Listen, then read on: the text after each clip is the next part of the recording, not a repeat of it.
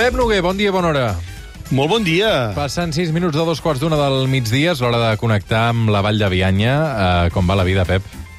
Doncs bé, mira, avui no hi soc a la Vall de Bianya. Ah, no? avui On pares, on he, pares? he canviat de vall, tu. Ah, on ets, on ets?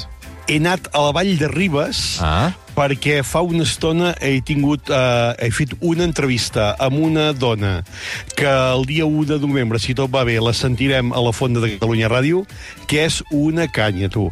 La Marina Vilalta, 96 anys, la pastora més vella de Catalunya.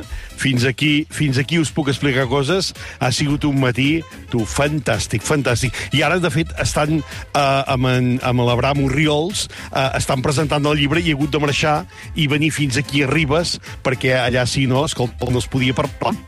Tanta gent. molt bé, doncs uh, també recomanem moltíssim aquest llibre de l'Abraham Oriols. Uh, avui amb el Pep Noguer volem parlar de- d'un dels productes estrella, no el descobrirem avui, però sí que hi ha un auge i un ventall tan gran quan anem a carnisseries que convé dedicar-li un capítol de l'Arca de Noguer, perquè avui amb el Noguer parlem d'hamburgueses. Hem escollit l'hamburguesa com a producte de l'Arca de Noguer perquè aquest cap de setmana se celebra la Fira de Barcelona, la final per trobar la millor hamburguesa de tota Europa. És per això que avui ens acompanya en aquest estudi la Maria José Sánchez, que és fundadora de la cadena de xarcuteries Los Extremeños, membre del Gremi de Carnissers de Barcelona i Comarques. Bon dia i bona hora, què tal? Bon dia. Uh, benvinguda al suplement. Um, D'entrada, um, gràcies perquè veig que has vingut molt ben acompanyada, uh, amb tot aquí una safata enorme. Què, què, què ens has portat, Maria José? Pues tot tipus d'hamburgueses. Quin, quina mena? Què, què, què, què tenim aquí? Bueno, pues tenim hamburgueses fetes artesanalment, Ah. amb productes de proximitat, i tenim hamburgueses de pollastre, hamburgueses de xai, hamburgueses de cuní, hamburgueses de carns madurades, eh, de vedella, un ventall molt gran d'hamburgueses, que és el que fem i artesanalment les xarcuteries i carnisseries de d'aquí de Catalunya. Uh, Noguer, um, tu cada quan menges hamburguesa?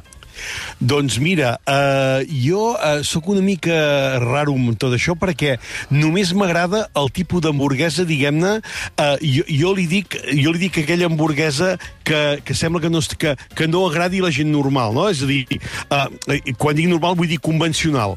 Les hamburgueses jo sempre les defineixo amb una gran diferència entre aquestes que ara els diuen més les maj, no? És a dir, una hamburguesa aplastada, eh, una hamburguesa també, diguem-ne, d'aquestes que s'apreten molt, i a mi l'hamburguesa m'agrada molt, molt poc aplastada, és a dir, barrejada la carn i apretada una miqueta amb la mà i para de comptar. Llavors, jo només em menjo d'aquestes segones, saps? No m'agraden les altres. Mm, no no, no m'hi no he acostumat.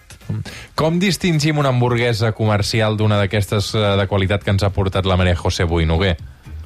Clar, a veure, aquí tindreu unes hamburgueses aquestes fantàstiques. Mireu, hi ha una cosa que s'ha de tenir en compte, eh, i, i aquí eh, ara ens ho explicaran, no? És a dir, tu quan agafes eh, magre de carn eh, i el barreges, sal, pebre, i el vas barrejant, si el barreges poquet, aquella carn, diguem-ne, eh, eh, es barreja, s'aguanta, però si aquella barreja de carn eh, tu la amasses molt, eh, molt amassada, la, pro, el propi magre de la carn, diguem-ne que ja fa la, la seva, diguem-ne, enganxamenta, no? Llavors, jo sempre dic que una hamburguesa, diguem-ne, més eh, comercial o més industrial, la coneixeràs, eh, sobretot, més enllà, diguem-ne, del gust i de la qualitat de la carn i tot això, la coneixeràs perquè són hamburgueses molt tupides, saps? Que sembla que hi hagin posat alguna cosa per enganxar-les. I, en canvi, una hamburguesa més feta així, diguem-ne, allò d'embuna amb una, solen ser hamburgueses, diguem-ne, més plonges, eh, fins i tot que a vegades que les poses a la planxa o a la brasa i has de vigilar perquè es poden arribar a trencar. Maria José, digues, digues. Així és.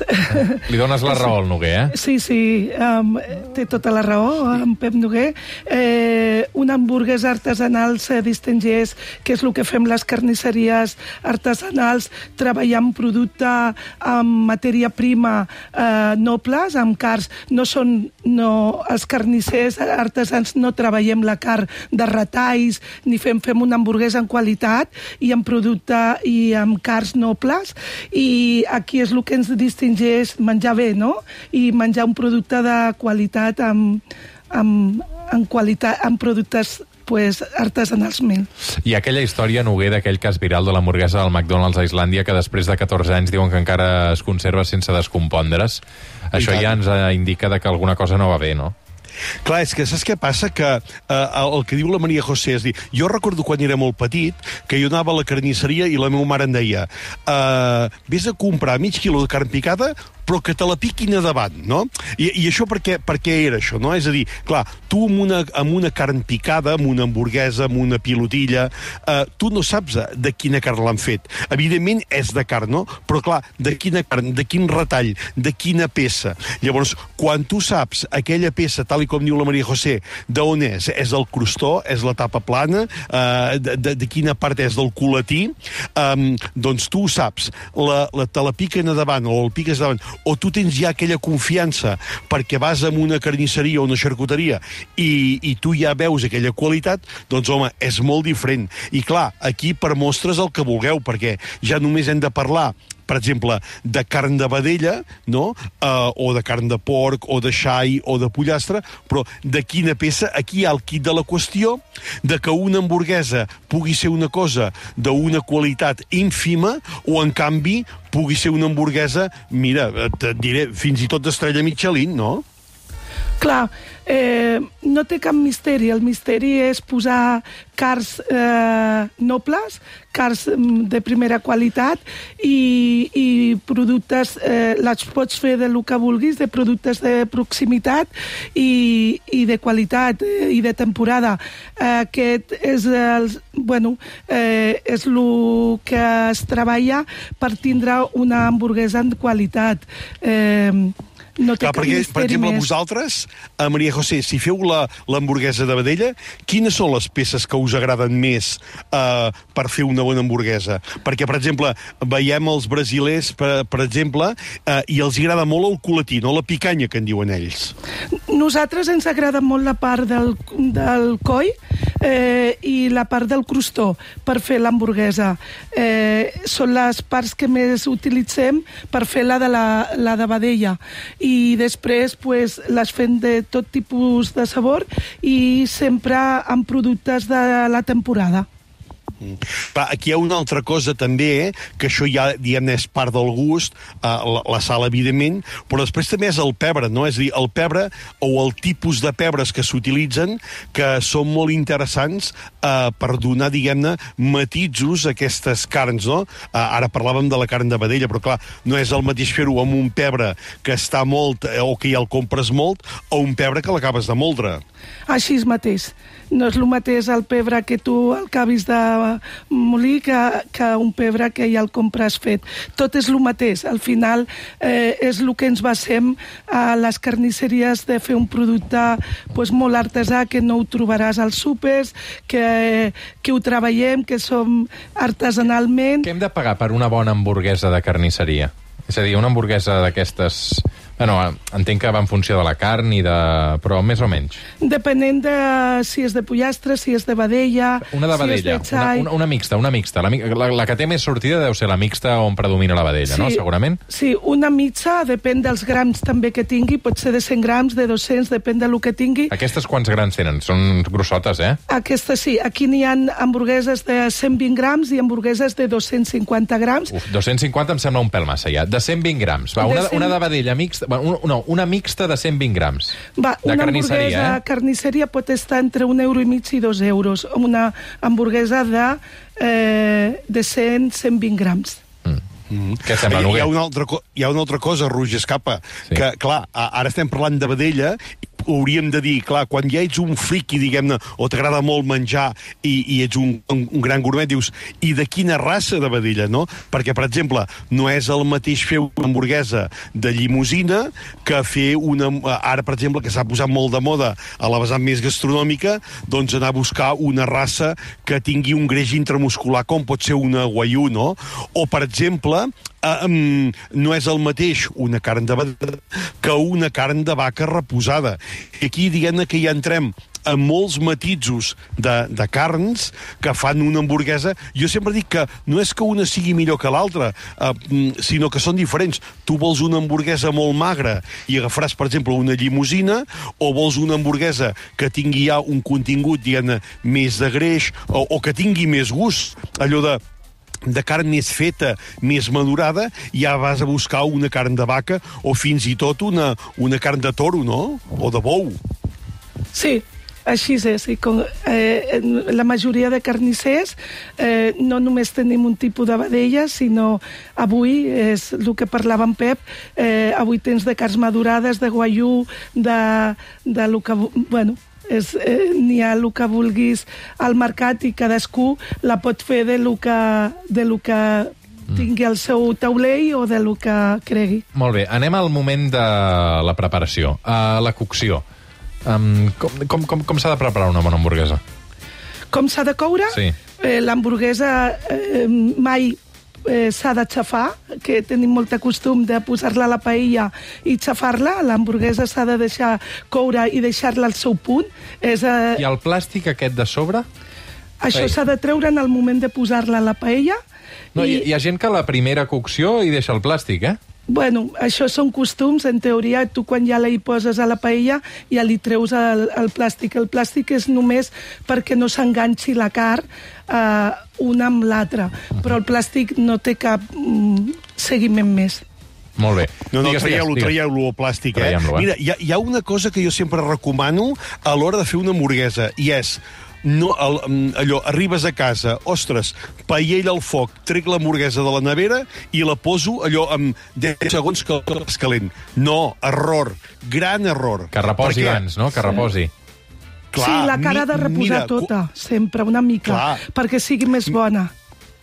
I què, què passa? Tu la nevera la tens a 3 o 4 graus de temperatura eh, i tu agafes una hamburguesa d'aquestes de 250 grams i sempre al centre et quedarà cru i, i fred. És a dir, tu agafes una hamburguesa d'aquestes més gruixudetes, eh, doncs, com a mínim, una hora fora de la nevera perquè la carn es vagi temperant, arribi aquests eh, 20 graus de temperatura més o menys, o 22 que solem tenir en una casa normal i corrent, i llavors, com a mínim, aquesta hamburguesa et quedarà rosadeta si la vols, però calenta. Eh? Això és igual que fer un filet de vedella. Clar, imagineu-vos aquestes hamburgueses que parlem ara, que la carn és tan tupida que llavors hi ha gent que diu no, és que a mi l'hamburguesa a casa no la sé fer bé. Doncs mira, el gran error sempre és de la nevera a la paella o a la planxa. I, I com ho podem fer perquè el centre aquest, quan estem parlant d'una hamburguesa de 250 grams, allò gruixuda, ens quedi ben cuit si la volem feta?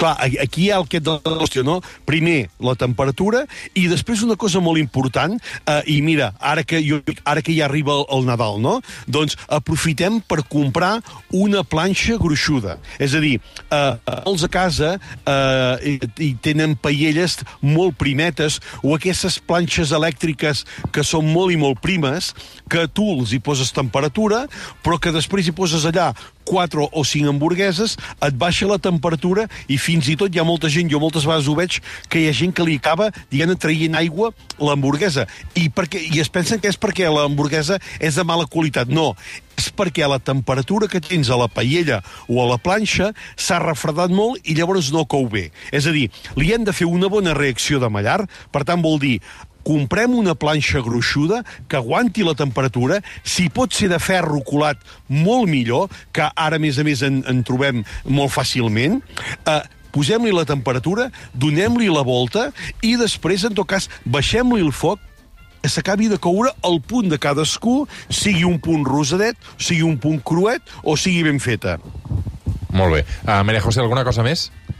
Bueno, eh, dir que, que és un producte artesanalment, que no perquè sigui una hamburguesa eh, que no pot ser de qualitat, que hem d'acostumar als nostres eh, petits i a la gent que puja a menjar bé i a menjar en qualitat, en producte de proximitat i que això, eh, el nostre ofici és un ofici de, molt, de molta constància, però que eduquem a, a menjar bé, que és el que eh, hem, de, hem de continuar i, i apostant per aquest ofici, que és un ofici que, que amb, amb el temps ha de continuar eh, el, el de carnisser. La María José Sánchez, del Gremi de Carnissers de Barcelona, fundadora de la cadena de xarcuteries Los Extremeños. Aquest cap de setmana a Barcelona també se celebra la Fira de Mercat de Mercats a Plaça Catalunya. Demà, justament, també un taller infantil, precisament en aquesta línia del que, del que parlaves, eh, precisament de preparant hamburgueses. Crec que de cara a la castanyada també els carnissers us esteu inventant els carnallets, que suposo que són panellets de carn, bàsicament. Sí. Em puc imaginar. Molta sort amb tot el que vingui. Eh, gràcies per acompanyar-nos avui. I, Noguer, hem de resoldre el concurs, eh, que tenim patrocini i tenim feina de la setmana passada encara. I tant, concurs, concurs. Girona Excel·lent, el segell de qualitat alimentària de la Diputació de Girona, us ofereix aquest espai. La guanyadora de la setmana passada que s'emporta el lot de productes de Girona Excel·lent és la Judit Amigó. Eh, fantàstic, enhorabona. La pregunta era com es diu la beguda que feien els maies elaborada amb mel, aigua i l'escorça d'un arbre. Vam dedicar un capítol a la mel la setmana passada. Quina era la resposta, Noguer? Doncs la resposta era Balcher. El Balcher és la Judit Amigó, la resposta correcta. Per tant, l'enhorabona, s'emporta aquest lot de productes Girona excel·lent. Passem al premi d'aquesta setmana. Ja ho sabeu, podeu contestar la pregunta a través de arroba eh, Catalunya Ràdio, arroba Pep Noguer a Twitter, i entre tots els que l'encerteu, lot de productes amb segell de qualitat agroalimentari Girona excel·lent. Quina és la pregunta, Noguer? Doncs mira, l'hamburguesa va lligada, a un bon pa, va lligada, per exemple, a la ceba ben ofegadeta, i també a formatges i a un munt de salses. N'hi ha una d'aquestes que va aparèixer cap allà al vols del 1756. Quina és aquesta salsa tan coneguda? Quina és la salsa tan coneguda que va aparèixer el 1756 relacionada amb l'univers de l'hamburguesa? Uh, arroba Catalunya Ràdio, arroba Pep Noguer, la setmana que ve resolem concurs i s'emporta un lot de productes Girona excel·lent. Gràcies, Pep, una abraçada. A vosaltres, una abraçada.